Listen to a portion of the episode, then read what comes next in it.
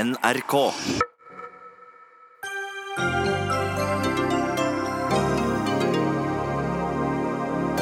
Telenor får norgeshistoriens største bot av Konkurransetilsynet for å ha stukket kjepper i hjulene for et tredje mobilnett. Ja, det tidligere Televerket har aktivt forsøkt å sabotere det som har vært Stortingets vilje gjennom 20 år, mener tilsynet. Og hvor mye har det kostet oss kunder? Stortinget tok regjeringen på ordet og fremmet forslag om å fase ut palmeolje fort, fort, men da stemte regjeringspartiene nei. De mener vi må leve med palme på tanken i mange år. Hva skjer når en ungdomsskole vil lære elevene i praksis hvor kotelettene og baconet kommer fra? Da kommer Mattilsynet og sier dere må gjerne slakte grisen, men kjøttet er det forbudt å spise. Og nå skjer det. Kommunalministeren bruker tvang for å få Troms og Finnmark til å bli til Troms og Finnmark.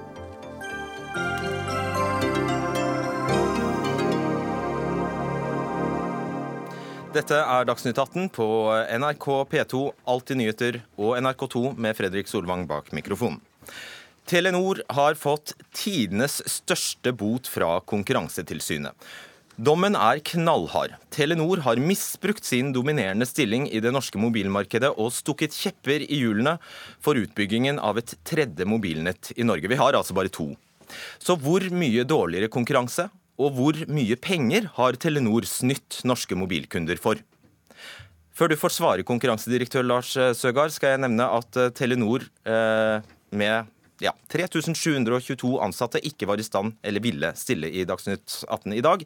De har behov for å sitat, gjennomgå saken, og de prioriterer det. Konkurransedirektør Lars Sørgaard, hva har Telenor gjort eh, som er kriminelt, og som fortjener norgeshistoriens største gebyr fra dere? Det de har gjort, det er å misbruke sin dominerende stilling i det norske mobilmarkedet.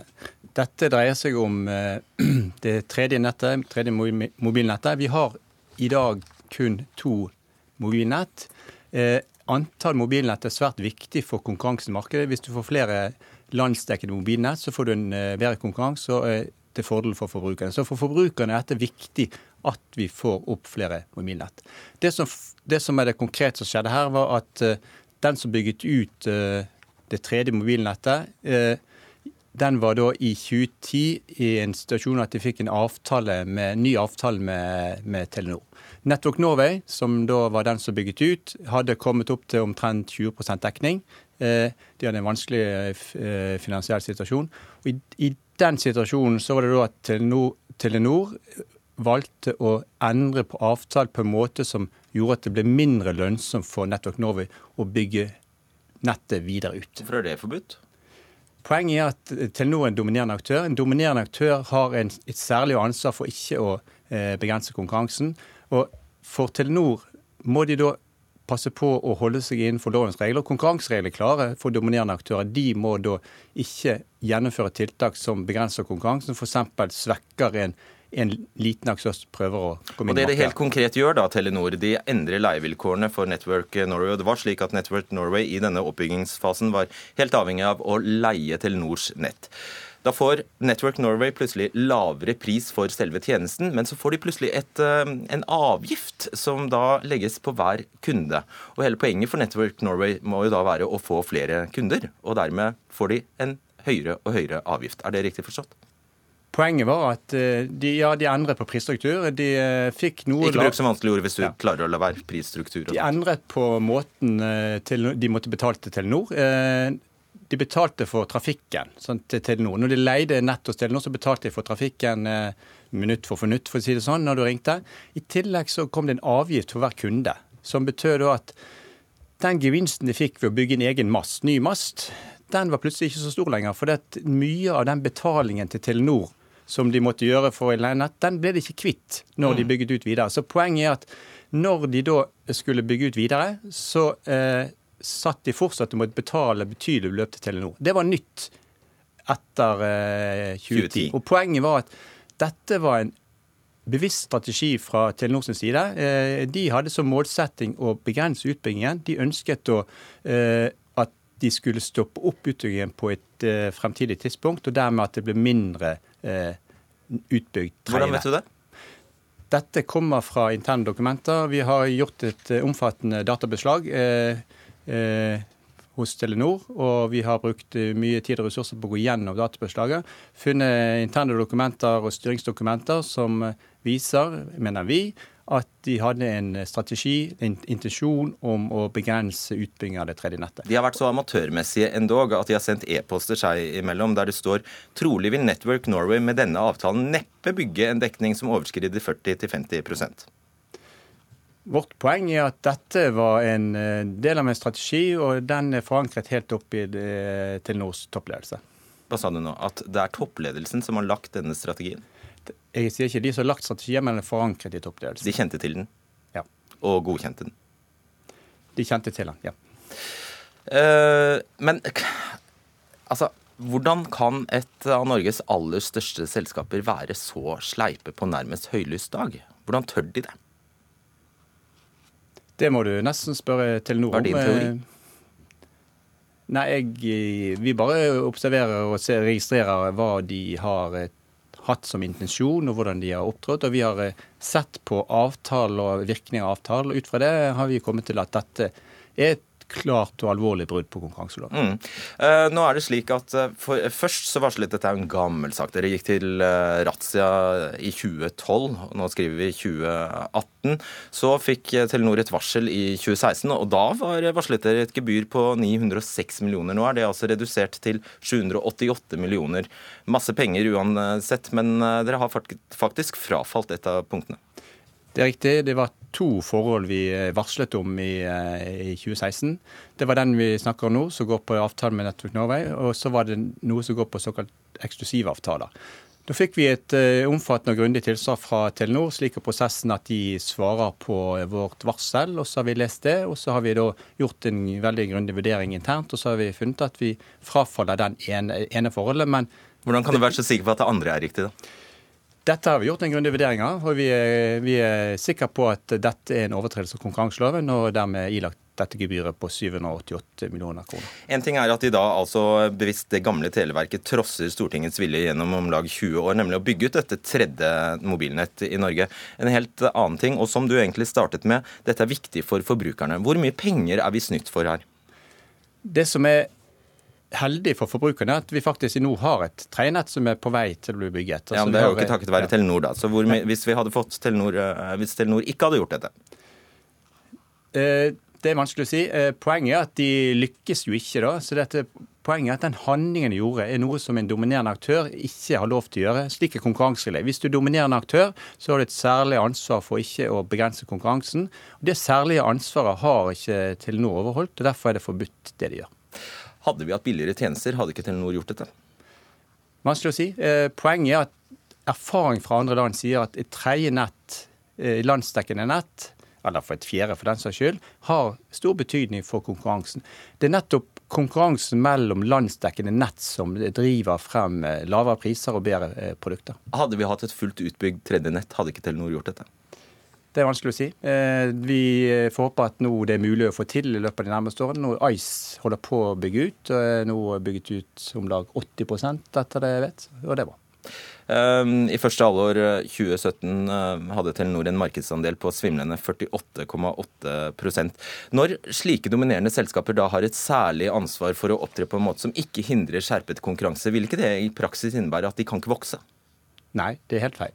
De har eh, full frihet til å vokse, de har full frihet til å konkurrere på pris, til å konkurrere på kvalitet. Men idet de begynner å prøve å presse en konkurrent til ikke å kunne bygge sitt eget nett, f.eks., som her, så er det gått utover den type handlinger de kan gjøre. De kan konkurrere på pris og kvalitet, men her er det en situasjon de prøver å begrense veksten til en liten utfordrer i markedet. Har du i all den dokumentasjonen eh, du har funnet, eh, sett at Telenor var klar over at det begikk lovbrudd? Det er vanskelig å si. Det, vi har masse intern informasjon, men eh, det kan ikke jeg komme noe nærmere inn på. Det er greit. Eivind Helgaker, du er administrerende direktør i Ice Norge AS. og Denne historien er faktisk for lang med oppkjøp og salg og oppsplittinger her og der til at vi kan ta hele. Men det er altså i korte trekk sånn at uh, dere er nå den eneste utfordreren til de to uh, gigantene Telenor og uh, Telia, tidligere NetCom.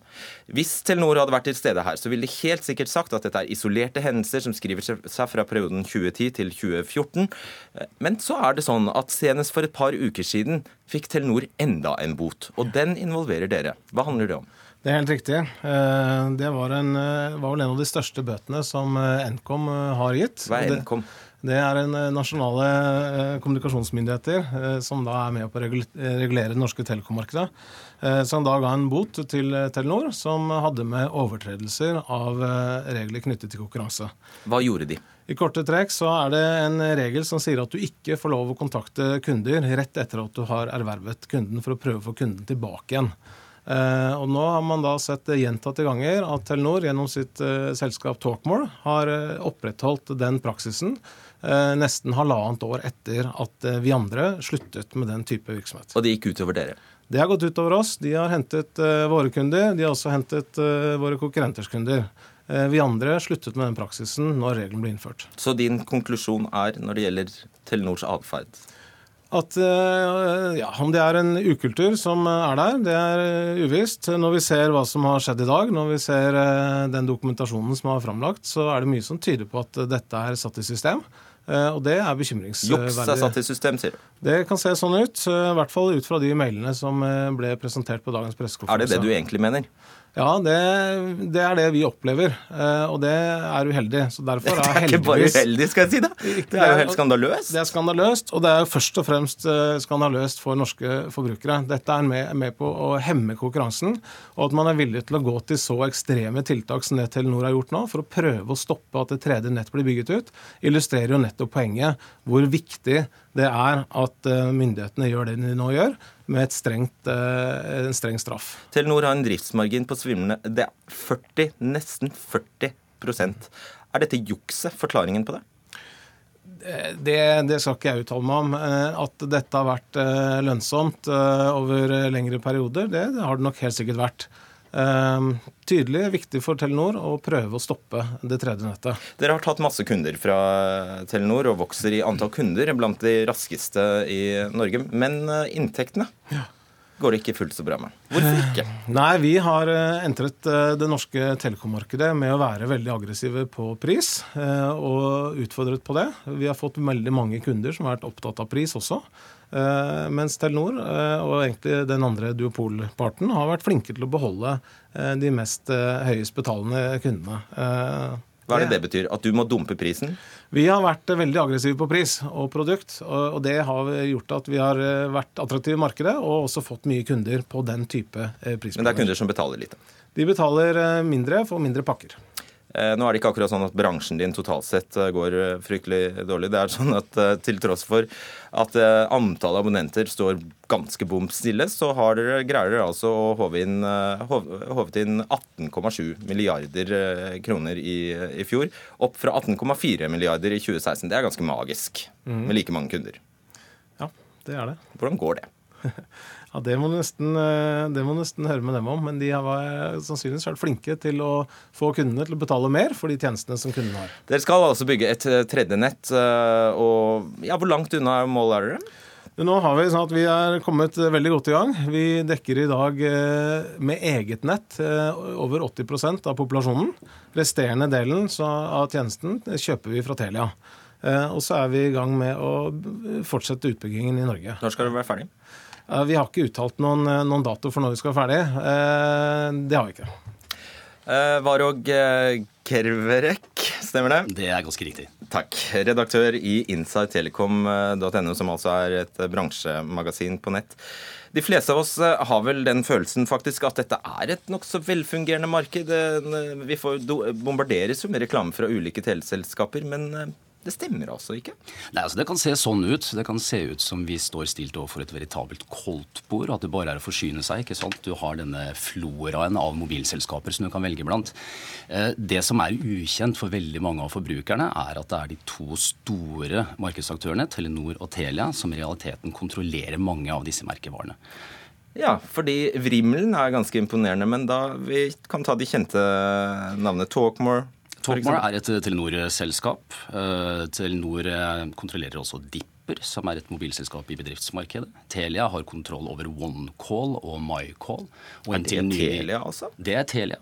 Inntil nylig så kontrollerte Telia også Chess. Nå er Chess fjernet som merkevare. Det skjedde nå nettopp. Uh, D-Juice er et Telenor-selskap, eller en merkevare, som man nå også har Hvorfor fjernet. lager de alle disse selskapene? Det er for å kunne møte ulike kundesegmenter med ulike merkevarer og strategier, og for å kunne møte konkurransen fra Ice og andre som prøver å yppe seg.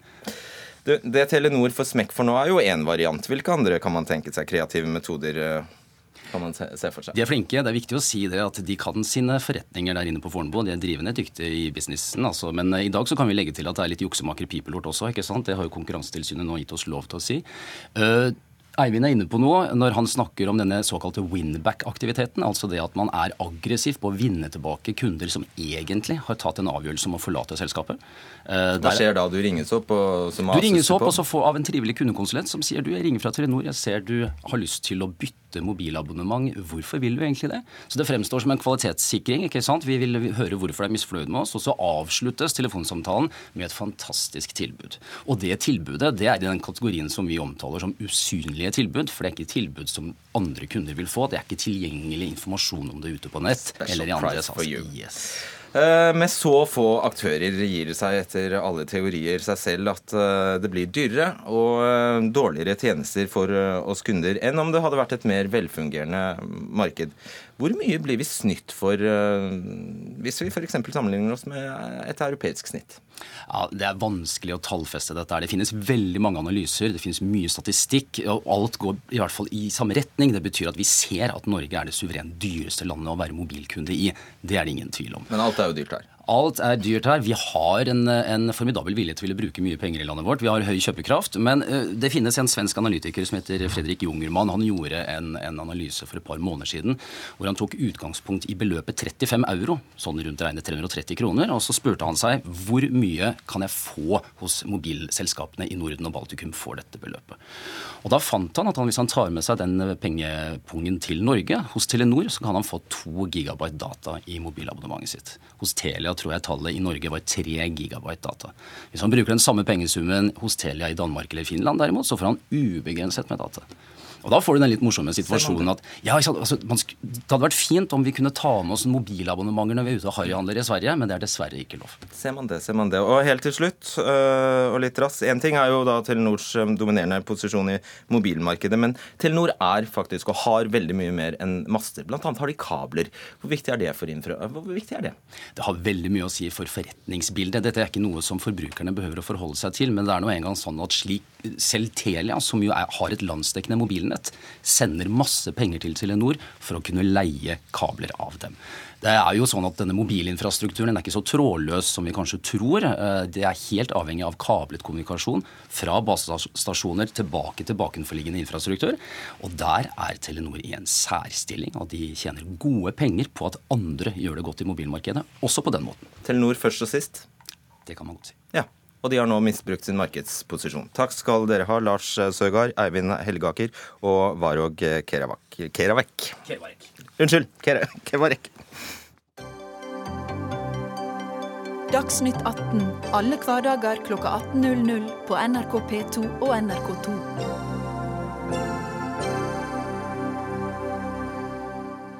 «46 av alt biodrivstoff i fjor var palmeolje. Slik oppfyller regjeringen sine klimaambisjoner i veitrafikken. Men regjeringspartiene har samtidig sagt at de ikke vil ha palmeolje. Så hva gjorde de da, da et forslag om å fjerne palmeolje i biodrivstoff kom opp i Stortinget? Jo, de stemte imot. Kjetil Kjenseth, stortingsrepresentant for Venstre, hvorfor det? Sånne forslag de kommer fra opposisjonen, som er utålmodige. Eh, det er veldig viktig, og det er bra for oss. Vi skal jo også eh, på samme vei. Palmeolje skal ut av norske drivstofftanker. Og så er utfordringen hva vi skal eh, finne alternative drivstoff. Og de vegetabilske oljene de, de, skal altså ut. Men per i dag så var de litt mer tilgjengelige enn det vi trodde da vi innførte de store målsettingene om, om å ta inn biodrivstoff.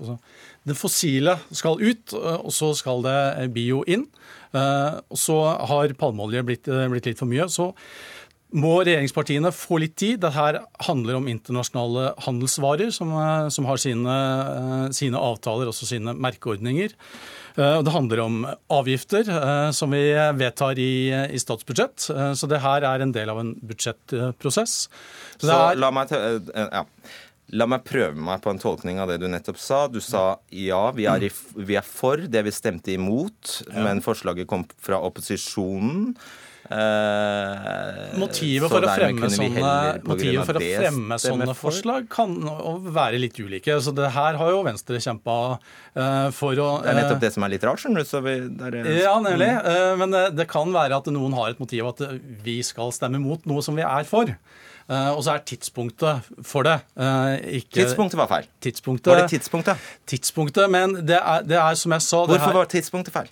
Fordi at vi ikke nå snakker om avgiftsspørsmålet i Stortinget. Det kommer opp til høsten. Men er du for, eller er Venstre og regjeringen for eller mot å fjerne palmeolje fra biodrivstoff? Vi er for å ta det ut. Utfordringen er å ta det ut uh, sånn i dag. Det er en utfordring som alle erkjenner. Så det, det er du imot, faktisk? Uh, vi må ha et alternativ til det, da. Alternativet for oss er å reversere til fossil bruk. Det den, Nei, du hadde ikke trengt det fordi vedtaket eller forslaget du fikk foran deg, lød mm. Stortinget ber regjeringen utforme virkemidler som effektivt ekskluderer biodrivstoff med høy avskogingsrisiko for både omsetningskravet og det avgiftsfrie biodrivstoffmarkedet. Ja. Disse rammebetingelsene skal legges fram i forbindelse med statsbudsjettet 2019 og tre i kraft fra 1.1.2019. Så utforme virkemidler, var det ja, du skulle ta stilling til. Ja, Det er ingenting som hindrer oss i å gjøre det, det i den prosessen vi står i nå, med å skulle legge fram et statsbudsjett 1.10. Eh, Så vi er, eh, er, er du underveis. for å utvikle virkemidler? Ja, det er vi for. Å utvikle de virkemidlene. Stemte mot å utvikle virkemidler? Ja, stemmer for og imot. Vi, vi er på veien til å gjøre det. Spørsmålet er om vi greier det i 2019 eller i 2022. Når vi ah, ja. Hvilket tidspunkt har du satt, deg? Vi trenger, vi trenger tre til fem år nå for å få inn større volumer av produsert eh, biodrivstoff i Norge og i våre naboland. Så vi skal leve med mindre, denne palmeoljen i tre til fem år? Mindre palmeolje fra Indonesia og Sørøst-Asia, det skal det bli. Eh, men vi må også få produksjonen. om fem år? Er det en garanti? Nei, om fem år. Du sa tre til fem år? Ja, det tar et år å bygge en, en, fabrikk. Eh, den må bygges. Eh, det skal bygges flere fabrikker i Norge. Det er det vi skal, også skal vri pengebruken til. Eh, ja. Og investere i den produksjonen. Nils Herman Ranum, leder for kampanje- og policyavdelingen i Regnskogfondet. Altså, EU har selv bevilget seg tolv år for alle vil bli kvitt palmeolje. EU har bevilget seg tolv år på å fjerne palmeolje, og da vet du hvor urealistisk det er å fjerne palmeolje fra norske tanker på et halvt år det er fullt mulig å fjerne palmeoljen fra norske drivstofftanker. Det kunne ha blitt gjort i revidert eh, nasjonalbudsjett nå i år. Eh, det kan i hvert fall gjøres når regjeringa skal legge frem statsbudsjettet til høsten. For det er avgiftsregimet til norske myndigheter som bestemmer hvorvidt det brukes palmeolje i drivstofftanken, eller om det ikke gjør det. Og så må jeg bare ja, si fordi, La, skal bare forklare det, fordi biodrivstoff med palmeolje får lavere avgift. Ja, Norge, ikke fordi det er palmeolje, men nei, biodrivstoff får det. Norge brukte i fjor en, over 1 milliard kroner på å subsidiere palmeoljebasert diesel. Eh, det er en katastrofe for skogen, eh, det er en katastrofe for klimaet. Og det som er viktig at Kjetil Kjenseth forstår, det er at det vil faktisk være bedre for klimaet hvis du i en mellomfase fortsetter å bruke fossilt drivstoff, enn hvis du bruker palmeoljebasert diesel. Avskoginga der fører til at den palmeoljedieselen har høyere klimagassutslipp enn fossil diesel har. Regnskogfondet er for å kutte utslipp fra norsk veitransport. Vi er for bruk av bærekraftig biodrivstoff. Men nå må det være en hovedprioritet for den regjeringa her å bli kvitt palmeoljedieselen, for det undergraver svar på, svar på Norges det, Kjenseth, at, at det faktisk hadde vært mer klimavennlig å la bilene gå på fossil inntil, disse, inntil man har et alternativ annet enn palmeolje. Ja, eh, vi forstår det. Utfordringen her er at vi skal gjennom et teknologi det Ja, vi skal gjennom et teknologiskifte. For uh, den fossile forbrenningsmotoren skal ut av uh, bilparken, og særlig tungtransporten og bussene, som står for en stor andel av det forbruket. Det finnes ikke per i dag så mange alternativer til å bruke de uh, biologisk baserte drivstoffene. Så vi må gjennom et teknologiskifte. og det da må vi også presse produsentene og de som kjøper drivstoffet, som er mange offentlige, altså fylkeskommuner og andre som kjøper inn lange anbrukskontrakter som er avhengig av den teknologien. Den skal også byttes ut. Vi trenger et pressmiddel. for å, Vi har hatt eh, fossilt drivstoff i store mengder i eh, 70 år. Eh, nå, det går an å bevilge seg to-tre år for å få til det skiftet her. Det går ikke Tre til fem, sa du i sted. Tre til fem, ja. Vi, vi må presse på for å få opp den produksjonen i Norge. Okay. Og da greier vi den overgangen. Da presser vi også EU og andre land foran Nå er oss. det min tur. Ja. Ja. Avskoginga knytta til palmeoljedieselbruken i Norge i fjor var 220 kvadratkilometer. Halve Oslo kommunes areal. Sier du nå at det er helt i orden med så mye avskoging i to-tre år til? Det er spørsmål én. Han. Han sa tre til fem, eh, så prøvde jeg å være snill. Eh, Så det er spørsmål én. Mener du at det er helt OK etter, La meg bare fullføre der. Eh, Mener du at det er helt OK å fortsette avskoginga i noen år til? Og det er riktig at du skal gjennom et teknologiskifte, men det er også sånn at du kan fjerne palmeoljen. Du kan f.eks. bruke rapsbasert drivstoff. Ja. Akkurat samme råstoffet. Ja. Det er tilgjengelig på markedet. Nå må du la han svare på det med avskoging. Det er ikke et teknologikrav. Ja, det med, det med avskoging, nei, Vi skal ikke opprettholde det nivået på palmeolje. eh, Og vi skal ikke eh, bidra til å opprettholde avskoging. Selvfølgelig. Så nøyaktig hva har du tenkt å gjøre med det? Det skal ned, og da må vi gjøre skal du få til det? Da må vi ta i bruk andre råstoffer. Vi må dyrke mer raps og soya, men også ta i bruk mer trevirke Så lenge palmeolje er det billigste, hva skal du gjøre med det? Ja, nei, Det er jo også det vi skal se på nå, og, og avgiftsopplegget for det her. Hva betyr om se det, på? Om det er mulig å bidra til eh, det skiftet her ved å, holde, ved å gjøre det dyrere, sånn at aktørene ikke velger det billigste alternativet, som palmeolje er. Utfordringen er at det, det vil jo fortsatt finnes store mengder palmeolje uten at eh, Fordi om Norge gjør den endringen. Så her skal Norge gå foran. Vi skal drive fram den utviklingen i EU og andre land i hele verden som skal bruke mindre av palmeolje i, eh, i drivstoff. Vi skal ikke svi av eh, den regnskogen. sto, og dessuten i den store sammenhengen, Ranum, så vet du også at det spiller nærmest ingen rolle hva Norge gjør. Det er faktisk ikke helt sant. Eh, hva Norge gjør Norge står for 10% av palmeolje, altså bruken av palmeolje til diesel i Norge er 10% av EUs totale palmeoljebruk. Eh, det er en ganske stor sum som Norge har. For så vidt fordi at biodrivstoffpolitikken til Norge har virka. Ja, Den har bare virka på en måte som jeg er helt sikker på at ikke var intensjon, Det og det virker på en måte som er negativt for både skog og for klimaet. Du skal få et siste spørsmål med deg, Kjetil Senseth. Vil du eh, oppfordre forbrukerne til å unngå palme, eh, palmeolje i produkter som sjokolade, f.eks.? Ja, der, der også, men de kan også unngå det på tanken. Circle K, UnoX de har, tar ikke inn palmeolje, så forbrukermakten er veldig viktig. Så det, her gjelder det både Så du er for at forbrukerne skal, skal uh, kutte ut palmeolje, men du vil ikke gjøre noe lov med, uh, med lovene eller med avgiftene for å sørge for at det skjer nå? Jo, vi, det her jobber vi med, eh, og regjeringen jobber med, med de, det, eh, tiltakene for å gjøre det her. Og det, Vi får vente til statsbudsjettet, se om vi kommer med noe da. Men det er i oktober. Ja, Det blir spennende å se. Takk skal dere ha, Kjetil Senseth og Nils Herman Ranne.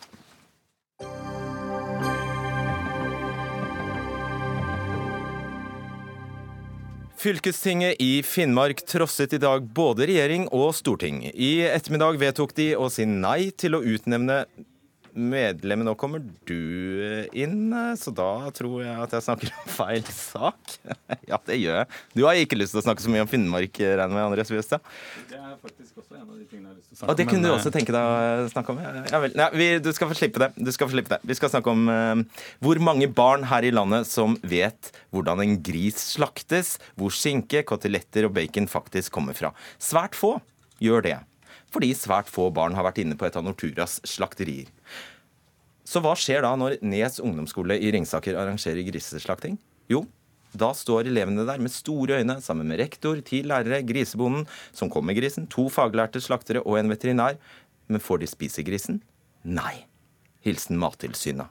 Andreas Wistad, forfatter og skribent, det er du som beretter denne historien i Nasjonen. Hvorfor får de ikke spise grisen?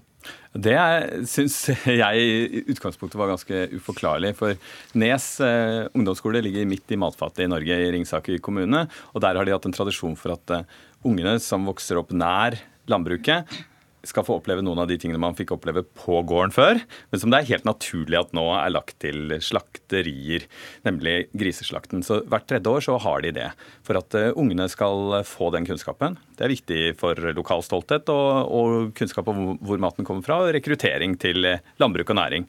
Men i år, eller i fjor, da, så fikk vi ikke lov til dette. Eh, Mattilsynet sa at det ikke var lov, og så var det jo en lang prosess et veldig besynderlig møte med Mattilsynet, hvor de stadig anførte nye grunner for hvorfor dette ikke var riktig, og ikke var mulig å gjøre. Så etter hvert så renonserte de på at det var mulig å foreta selve slakten. For, for, egentlig ville de ikke at dere skulle gjøre det? Nei, de ville ikke det. De sa liksom nei, vi, vil, vi liker ikke dette, nei. sa de. Uh, og så uh, til slutt så godtok de at man kunne gjøre det, men da sa de men barna får ikke lov til å smake på dyret. Og så spurte vi hvorfor det, da? Nei, det er fordi at eh, det kan være trikiner i grisen. Ja, Vi har en veterinær. Trikiner, det er et eh, Det kan jo Mattilsynet forklare mer teknisk hva er, men, men det kan være eh, kjempefarlig. ikke sant? Og, øh, og, da er det en veterinær der som tar trikinprøver. Det er en som sjekker dyrehelsen underveis. Og... Sa dere det til Mattilsynet, da? Det gjorde vi også. Og etter hvert som vi anførte flere argumenter, så kom de på nye argumenter. Og det var på en måte begynnelsen for en refleksjon for meg, fordi jeg har reist rundt Jeg har aldri hatt noen sånn veldig slemme møter med Mattilsynet, men jeg har reist land og strand rundt i 15 år og møtt veldig mange forskjellige matprodusenter og som, folk som jobber med mat. Og de er veldig forskjellige. Det er bare en, to ting som eh, binder dem. Det ene er kjærligheten til maten, og det andre er frykten for Mattilsynet. Så da lurte jeg rett og slett på om kanskje Mattilsynet har et kulturproblem. fordi det er jo ikke sånn at vi knepp, kvepper til når vi ser politiet. Vi er ikke redde for at de skal på en måte ta oss. Eh, vi vet at de, er, de hjelper oss når vi eh, er lovlydige og hvis vi havner i trøbbel. Og vi kan få problemer med dem hvis vi bryter loven. Men hvis Mattilsynet kommer derimot, da skjelver man i buksene? Er det det du sier? Det er min erfaring. Og etter at denne kronikken sto på trykk, så har jeg blitt nedrengt av folk fra hele landet som har veldig behov for å fortelle historier. Og så sier jeg kan ikke dere også fortelle disse historiene ut? Ta det opp med Mattilsynet, ta det opp med avisen. Nei, det tør vi ikke, sier de. Det tør de ikke, nei. La oss gå tilbake til grisen. Karina Kaupang, direktør for avdeling mat i Mattilsynet. Hvorfor fikk de ikke spise grisen? Uh, nei, først vil jeg si at uh, vi uh, setter pris på at Vistad Først håper jeg at du bare kan svare på hvorfor de ikke fikk smake på grisen. Ja. ja. Mattilsynets oppgave er å sikre trygg mat og god dyrevelferd, for å ta det overordna. Eh, når det gjelder dette med slakting utenfor slakteri, så er det et strengt regelverk som vi er forplikta til, som er et felles regelverk for hele Europa. Um, Slaktes det ikke gris ute noe sted i hele Europa? Det er et regelverk det, at det som skal inn i matkjeden, det som flere skal spise, det skal foregå på, uh, på et slakteri. Hva skulle de gjøre det, med den grisen det, her, da? Og det, er, det er, et, eh, er, et, regelverk som vi også må forholde oss til, um, og som vi har forsøkte forsøkt å forklare til Vistad også. Hva skulle skje med denne grisen her, da? Nå hadde de slakta den, og de hadde stekt den, og den var ferdig. Nei, altså det er et, et, rett og slett et regelverk som sier at den maten som skal frambys til andre, altså utover en egen husstand, det du slakter på gården, som bonden kan slakte og spise selv, det, det skal ikke frambys til, til andre. Hvorfor sier regelverket det? Jo, regelverket er laget for å sikre en mattrygghet. At den, den maten som, som, frembys til enten barn eller voksne eller alle, at den skal være trygg. Og det er for å hindre bl.a. bakterier som kan overføres fra i dette tilfellet gris, overføres til mat og til mennesker. Og, og vi har faktisk i disse dager en uh, oppklaringsrunde på en, uh, en nasjonal matforgiftningshendelse hvor Yersinia-bakterien, som fins på gris, er årsak til denne matforgiftningen. Men det var jo en veterinær der, da? Ja, men Du ser jo ikke bakteriene. Altså, Når du slakter på et slakteri, så, så har de utstyr til å håndtere en, en, hygienisk bedre slaktehygiene enn det du gjør når du slakter i felt. Svar kort på det, så skal du få svare på de ganske alvorlige beskyldningene om eh, hvor skrekkinngytende dere er. Først svar på det. Ja, aller først, altså, Her var det fagfolk i alle ledd som eh, tok vare på det. og Definisjonen av omsetning er da altså at eh, det, er, at eh, det regnes som omsetning når de barna som var til stede på slakten, skulle spise dyret. Og det skulle også da varmebehandles. Det er, og, og det er eh, proffe, flinke folk i alle ledd her. Ja, Men hun lager jo ikke regelverket, akkurat. Nei, men det er vel en av de tingene som er med Mattilsynet, at de forvalter et regelverk som er kjempeviktig for mattryggheten vår. Men det er også forskjeller i hvordan man gjør ting i en stor fabrikk, og hvordan man gjør ting på gårds, øh, en gårdssammenheng. Kapang, så kan du svare på den ganske ramsalte kritikken om at eh, dere faktisk er skrekkinngytende. Dere er ingen vil hvis man ikke må ha kontakt med Mattilsynet, er vel omtrent påstand? Ja, Det er jeg jo litt overraska over å høre. Eh, Mattilsynet vi gjennomfører jo rundt 70 000 tilsyn i året. Og vi bruker mye tid på, på veiledning og kontakt med de vi fører tilsyn med.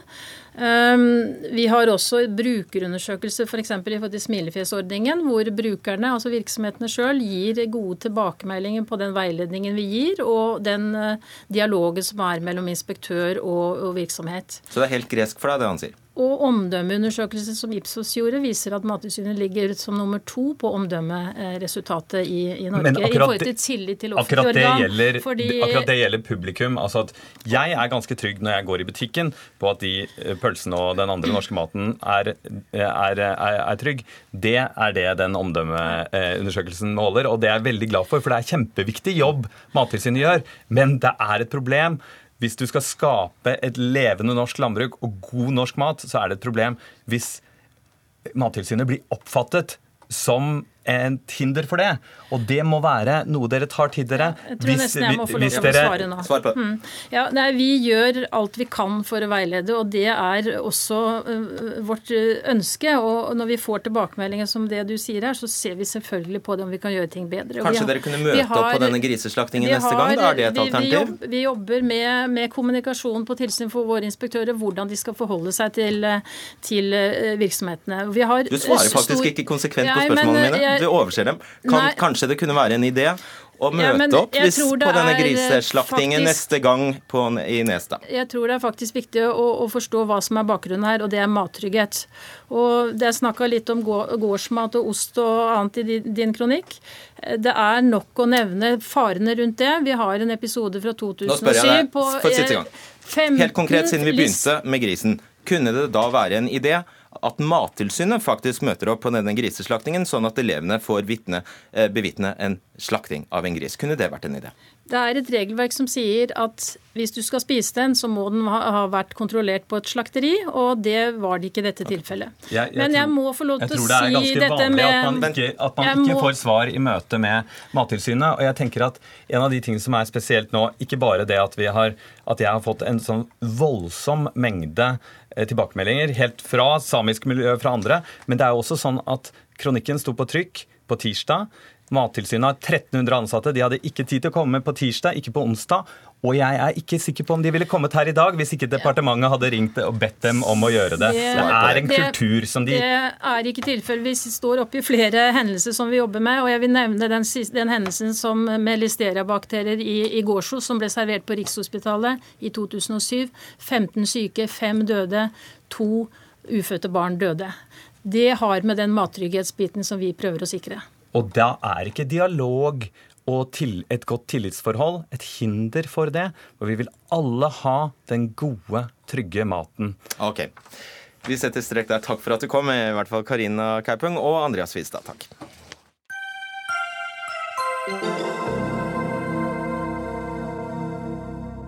Da skal vi til Finnmark. For eh, fylkestinget i eh, Finnmark trosset i dag både regjering og storting. I ettermiddag vedtok de å si nei til å utnevne medlemmer til den såkalte fellesnemnda, som må til for å få gjennomført sammenslåingen med Troms.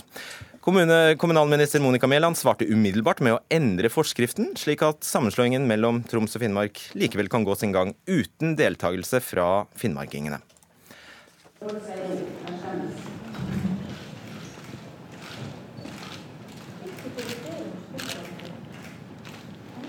Forslaget har fått flertall, også følger opp.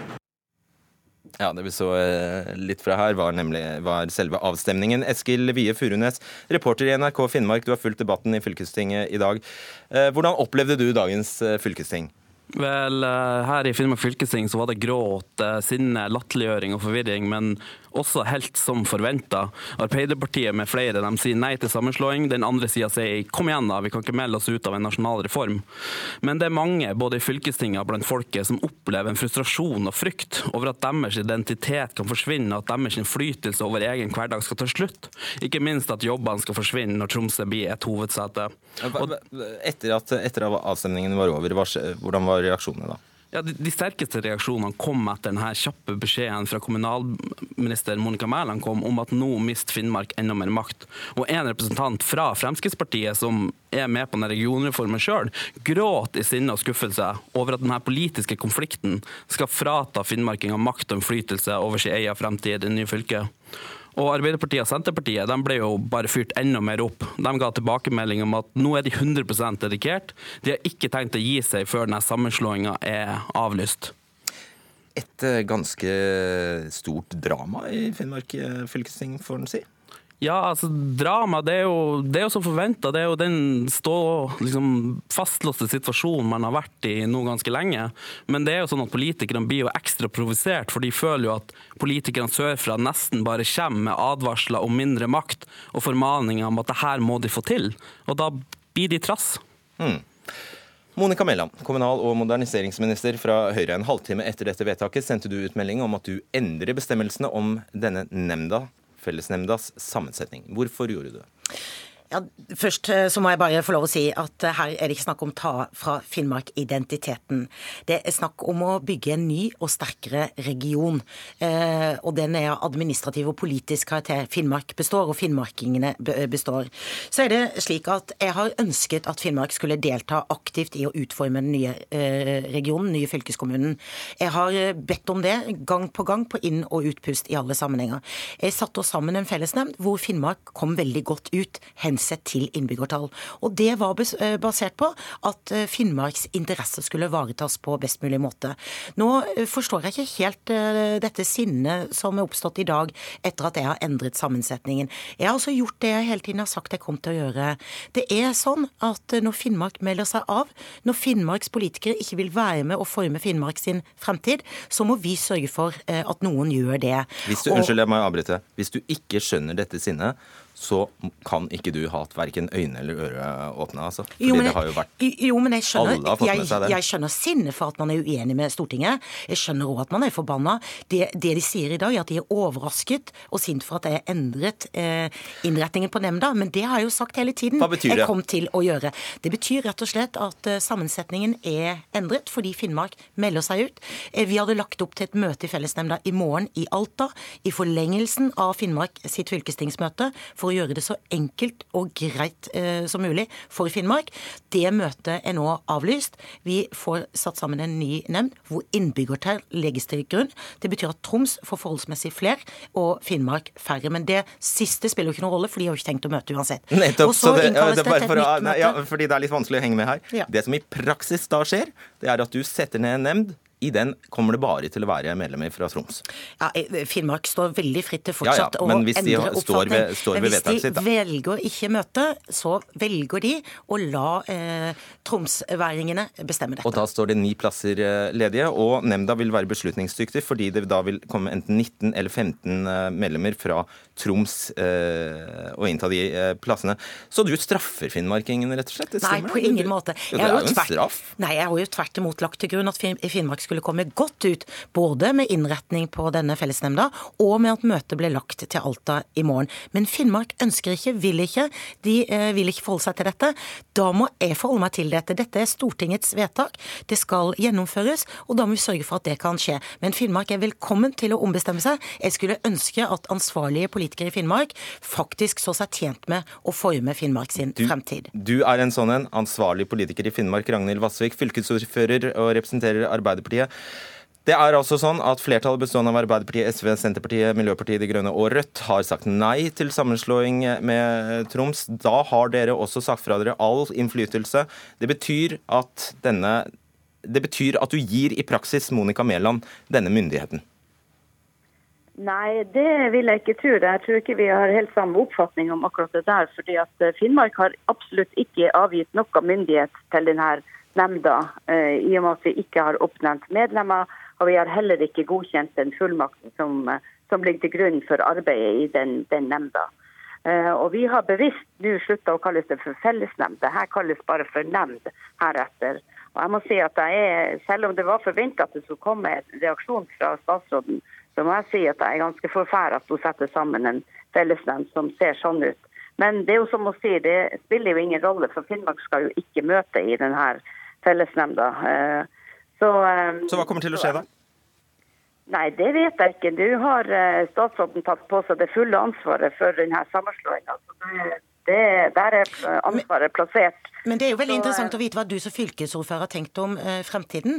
Eh, hvilke planer har dere når dere ikke har tenkt å delta i arbeidet med å å slå sammen fylkeskommunene? Det er mennesker ansatt, man skal eh, organisere den nye fylkeskommunen, man skal innplassere. Eh, det er masse jobb som skal gjøres, og det skal være et valg neste år. Og det valget skal skje i det nye fylket. Så, så mitt spørsmål er, hva har du tenkt å gjøre? Nei, Vi har tenkt å kjempe videre for å prøve å få oppheva det her vedtaket. Så vi kommer ikke til å gi oss med det. Eh, Så vi satser på at det kommer til nye forslag eh, i Stortinget i neste sesjon. Og så får vi ta det derifra. Men den fellesnemnda som du har oppnevnt, den kommer vi ikke til å møte i. Eh, Og når det gjelder akkurat forhold til de ansatte, så syns jeg det er ganske rørende eh, omsorg dere har. For den usikkerheten som eh, de ansatte føler, den ble faktisk vekt eh, 8. juni i 2017. Så det må, tror jeg dere må ta inn over dere eh, som sitter i eh, regjeringskameratene og, og eh, eh, som har ønska denne sammenslåinga. Hva kommer til å skje Monica Melland, når det bare er eh, tromsinger i denne nemnda? Kan de da f.eks. bestemme seg for å strippe Vadsø og Alta for alt av eh, arbeidsoppgaver og arbeidsplasser, eh, om de vil? Teoretisk så kan de det. Det tror jeg ikke de kommer til å gjøre. Jeg oppfatter Har du lyst til at at det- vil du- Troms- vil du de skal Nei, absolutt ikke. Tvert imot. Jeg har altså anbefalt Finnmark på det sterkeste, og jeg ønsket altså å legge til grunn eh, at Finnmark ble sterkere representert enn innbyggertallet eh, tilsa. Så er Vassvik nå forundret over eh, eh, sammensetningen av nemnda, men det er altså dette som er utgangspunktet for loven, nemlig innbyggertall. Og du visste Det jo er- dette ville skje, Vassvik. det er, det er, Ja. kan bare Ja, ok, fullføre? veldig kort. det er sånn at jeg oppfatter at Troms fylkeskommune med tungt hjerte tar på seg denne jobben videre nå. De har ikke ønsket dette. De har ønsket et samarbeid med politikerne fra Finnmark. Men de gjør det, og jeg er helt sikker på at de kommer til å uh, ta kloke beslutninger, balanserte beslutninger, som også kommer Finnmark til gode. Når ikke finnmarkingene sjøl gjør det. Du visste dette kom til å skje, Vatsvik? Eh, ja, men jeg må fortsatt stille spørsmål med om eh, For det første vil jeg, vil jeg jo lure, stille spørsmål om Troms eh, tromsværingene egentlig vil møte i denne nemnda. Det gjenstår jo å se etter 13.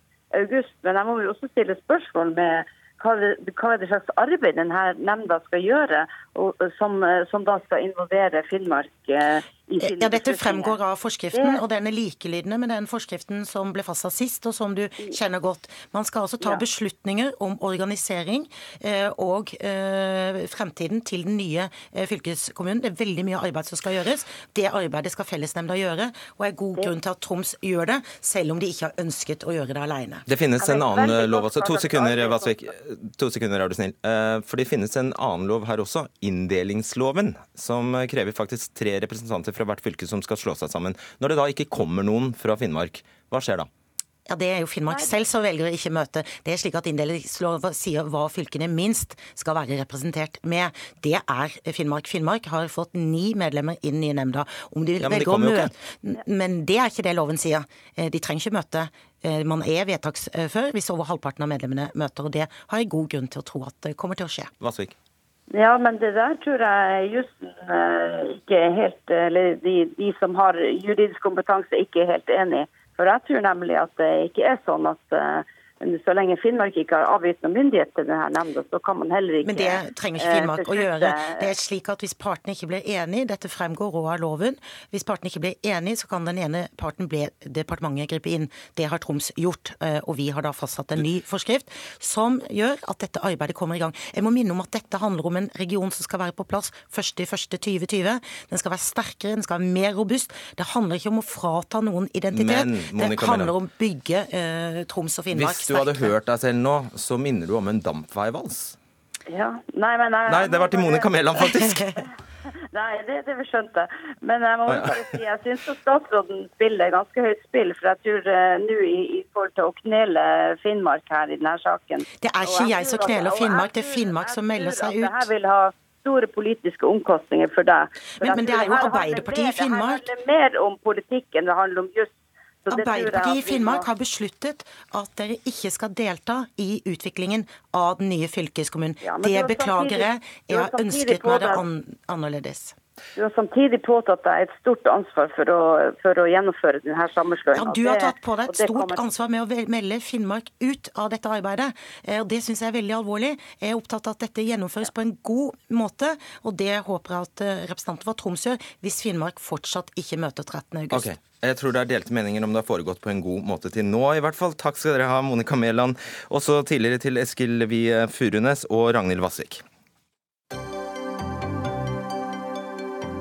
Hør Dagsnytt 18 når du vil.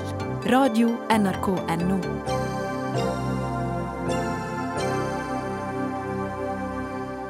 Er Arbeiderpartiets innvandringspolitikk streng og rettferdig, human og raus, eller solidarisk og inkluderende? Eller ingen av delene? Debatten om Arbeiderpartiets innvandringspolitikk både går både i og utenfor partiet, og nå slenger Høyre seg på. Jonas Gahr Støre er utydelig og vag, ifølge Henrik Asheim. Til VG sier du, eh, Asheim, at eh, Arbeiderpartiet må rydde opp i egen diskusjon de skal ha, ha med seg selv. Du skal få ordet straks, vi skal bare høre Jonas Gahr Støre veldig raskt. Jeg mener en streng, rettferdig, human og gjerne raus eh, politikk hører med. Men streng handler om at det skal være likebehandling. Og Du sier gjerne raus, men, men først og fremst streng. Jo, men raus har veldig mye med integrering å gjøre. Og i de store byene så opplever jo de en stor integreringsutfordring. For mange av de som kommer til Norge, de kommer rundt om i landet, og så etter hvert ender de opp i de store byene.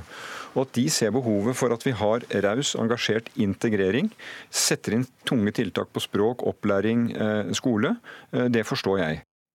Er det dette du henger deg opp i, eh, Henrik Asheim, stortingsrepresentant fra Høyre? Ordet raus? Ja, blant annet. eh, Eller egentlig det Støre sier, at han er for en raus integreringspolitikk. Men så ser vi jo da på hva er det fylkeslagene i Arbeiderpartiet diskuterer og vedtar. Og de vedtar konsekvent en raus innvandringspolitikk.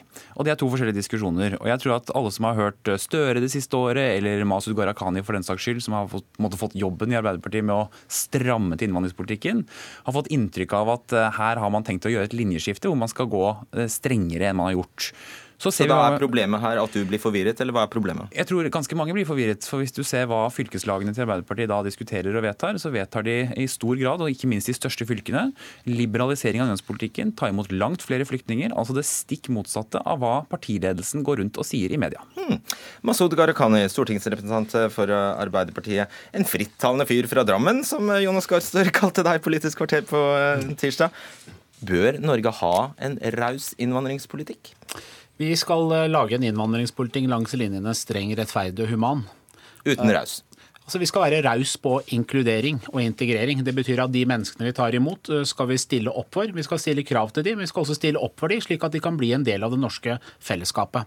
Men det jeg har lyst til å si, da, det er jo at eh, det fremstår jo litt sånn at når Erna Solberg kommer på jobb eh, og starter uka på mandag, så har jeg en liste over samtlige stortingsrepresentanter i Høyre, og så blir det flasketuten peke på hvem denne uken. Denne uken så er det kamerat Alsheim som har fått ansvaret. og det er at Nå skal du angripe Jonas Gahr Støre denne uken. Og jeg synes Det er utrolig trist, fordi det vi ser nå, når det kommer til innvandringspolitikk, så splitter det Europa. Vi ser at de får horrible og forkastelige forslag fra Donald Trump. Det er jo tida nå inne for at uh, egentlig Høyre burde snakke om hva slags løsninger har de for at vi skal få en uh, ny felles uh, innvandringspolitikk for Norge og for EU. det er det som er viktig. Ja, jeg kniper det der. Fordi det, det, vi er vitne til, er jo Du sa det jo selv. altså Det er nedsatt et migrasjonsutvalg, og så har Arbeiderpartiet bedt om innspill til landsmøter, og, fra, og de får det fra fylkeslag, og så oppstår det en diskusjon. Det er forbilledlig. Hva er, er problemet ditt? Kjempebra med diskusjon jeg må si også at Det er første gang jeg blir kalt kamerat Asheim. Det er ikke noe vi pleier å gjøre i Høyre. Men, eh, men, men det er helt greit. Og partier har politisk diskusjon. Men, men når uh, Masud Gharahkhani selv er bekymret for splittende retorikk og hva som skjer i Europa altså Masud Gharahkhani har selv uttalt at uh, det å ta imot flere flyktninger er å ta maten ut av munnen på barn i flyktningleirer for å fø på norske asyladvokater. Så har du et Bergen Arbeiderparti som vedtar å ta imot 25 000 flere kvoteflyktninger. Og da er spørsmålet, Mener du da at Bergen Arbeiderparti vil rive maten ut av munnen på barn i flyktningleir for å fø på asyladvokater. Godt spørsmål. Mener du det? Det jeg sier, og det er det vi i utvalget nå jobber med, det er at vi trenger en ny asyl- og flyktningpolitikk for Europa. Mener du at Bergen Arbeiderparti vil rive maten ut altså, Jeg har medlemmer av Bergen Arbeiderparti også i mitt migrasjonsutvalg. Og det vi jobber med, er å få på plass en ny asylpolitikk som er mer rettferdig og bærekraftig. Hva handler det om? Det er at etter migrasjonskrisen i 2015 så så vi at dagens asylpolitikk forutsetter menneskesmugling for å kunne komme deg over til Europa. Det er kyniske, organisert kriminalitet som står bak. Den er urettferdig ved at har du penger, så har du mulighet til å betale menneskesmugler og komme over. Har du ikke penger, så blir du igjen i flyktningleire. Og vi trenger en dugnad i verden. Da må vi tenke nytt. Og det vi har sagt Ser du i det minste at dette er to forskjellige signaler? Det vi jobber med, er jo nettopp en helhetlig innvandringspolitikk som sørger for én, at vi stiller opp for de mange lokalsamfunn som har tatt imot mange flyktninger. Flertallet av verdens flyktninger er jo i naboland til konfliktområdene, og det er gjennom bistand at vi kan hjelpe flest mulig. Og Det er jo det den debatten handler om. Og Det vi sier, det er at vi trenger en mer rettferdig asylpolitikk, hvor vi tar imot flere kvoteflyktninger, men også har kontroll og styring over innvandringspolitikken. Men poenget er jo da at, jo, men, altså, poenget er, jeg har lyst til å si det. Altså, vi, Når vi har styrt landet, så er det jo vår innvandringspolitikk som har blitt gjennomført. Men når Høyre styrer landet, så er det usikkerhet på hvem som egentlig har hånda på rattet. Først så overlot du de til, til eh, høyrepopulister populistene Frp, som ikke er opptatt av løsninger, bare å beskrive utfordringene. Og nå har de fått en ny regjeringskamerat inn i regjering. Det er Venstre som er for fri innvandring. Og vi ser etter sak etter sak at det er utydelighet fra Høyre. Senest når vi behandlet en sak om forbud mot søskenbarnekteskap, hvor da eh, Frp brøyt ut av det samarbeidet, og Venstre fikk presset Høyre igjennom. Her har jo Gharahkhani et stort poeng. Eh, av alle som burde gå litt stille i dørene, og ikke snakke om å bære sprikende staur, så er det denne regjeringen som altså rommer alt fra Frp til Venstre. Altså, Helt fram til valget så var jeg i debatter med Arbeiderpartifolk som kritiserte oss for å være for strenge i innvandringspolitikken. Nå får vi kjeft for å ha tatt Venstre inn i regjering. Og poenget at Når du sitter og argumenterer, så er jeg hjertens enig med deg. Når du sier at vi må hjelpe folk der hvor de er, vi må bruke bistandsbudsjettet, kjempebra. Men det er ikke meg du diskuterer med, du diskuterer med dine egne fylkeslag. Og Når de sier at de vil liberalisere innvandringspolitikken, så henger det sammen med å ha en god integreringspolitikk. For Hvis de skal ta imot 25 000 flere kvoteflyktninger, så blir det vanskeligere å integrere. Nå, Dette er jo... Det er en ting jeg ikke skjønner. Mm. Hvem av dere er i posisjon, og hvem er i opposisjon? Vi er i posisjon, og de er i opposisjon. Ja. Så angriper du han som er i opposisjon for å være uklar? Er fordi, det sånn? Ja, fordi det som har vært en okay. allianse i norsk politikk på innvandring i alle år, har vært Høyre og Arbeiderpartiet. Også når Høyre har vært i opposisjon, så har man funnet sammen med Arbeiderpartiet og motsatt. Nå aner vi ikke hvem vi skal finne sammen med eh, i Arbeiderpartiet. fordi hvis jeg spør Masen, Pleier du å danne flertall med Arbeiderpartiet sånn til daglig, da? På innvandringspolitikk så er det faktisk sånn at Arbeiderpartiet i ganske mange saker, særlig på innstramminger, vil være på vippen i Stortinget. Ja, Så er det ikke sånn en... lenger, da? Kanskje Arbeiderpartiet har bestemt seg? Nettopp. Og det. Jo, men det er det det ser ut som. Det at, ja, men det er det det ser ut som. Det er at Arbeiderpartiet er i ferd med å gå til venstre Venstre i innvandringspolitikken. Stikk motsatt av hva som er signalene til Masud Gharahkhani. Altså, det prosjektet har jo sporet relativt godt av når hele partiet ser ut til å liberalisere istedenfor å stramme inn. Hør. Jonas Gahr Støre viser lederskap, det gjør ikke Erna Solberg. Jonas Gahr Støre har satt ned dette migrasjonsutvalget fordi vi lever i en ny tid med store innvandringsutfordringer i hele Hva er det. Jonas Gahr Støre leder annet enn Arbeiderpartiet? Arbeiderpartiet setter nå dette utvalget ned fordi vi ønsker å komme fram til nye løsninger på hvordan vi kan få til en mer rettferdig og bærekraftig asylinstitutt for Europa. Komme med konkrete løsninger. Hva kommer Høyre med? Jo, de angriper oss. Vi sier at integrering får vi ikke godt nok til i Norge. Og jeg har de siste månedene besøkt 17 fylker, fått mange gode innspill, og under dagens regjering så ser vi at kun 50% av dagens nyankomne flyktninger kommer seg videre ut i arbeid eller eh, utdanning. Og av de 50 igjen, så er det bare noen få som klarer seg å stå på egne bein. Da må vi føre en bedre integreringspolitikk, og det er jo nettopp det vi gjør nå. Erna Solberg er statsminister, Jonas Gahr Støre har satt ned et utvalg. og Det utvalget har foreslått noe som hele partiet ser ut til å stemme ned. Og Det betyr igjen at det Arbeiderpartiet nå er i ferd med å gjøre, er å liberalisere innvandringspolitikken, stikk i strid med den retorikken Gharahkhani og Støre selv bruker i For bare gjenta at Han har ikke flertall for noen, noe som helst, så han får ikke liberalisert noe. Om han, uansett hvor mye han ville. Heldigvis. Ja. Takk skal dere ha, Henrik Asheim og Masud Gharahkhani. For Dagsnytt 18 er nemlig over. Det var Arnhild Myklebust som er ansvarlig for denne sendingen. Lisbeth Selreite var i teknikken, og i studio Fredrik Solvang. Ha en riktig fin kveld.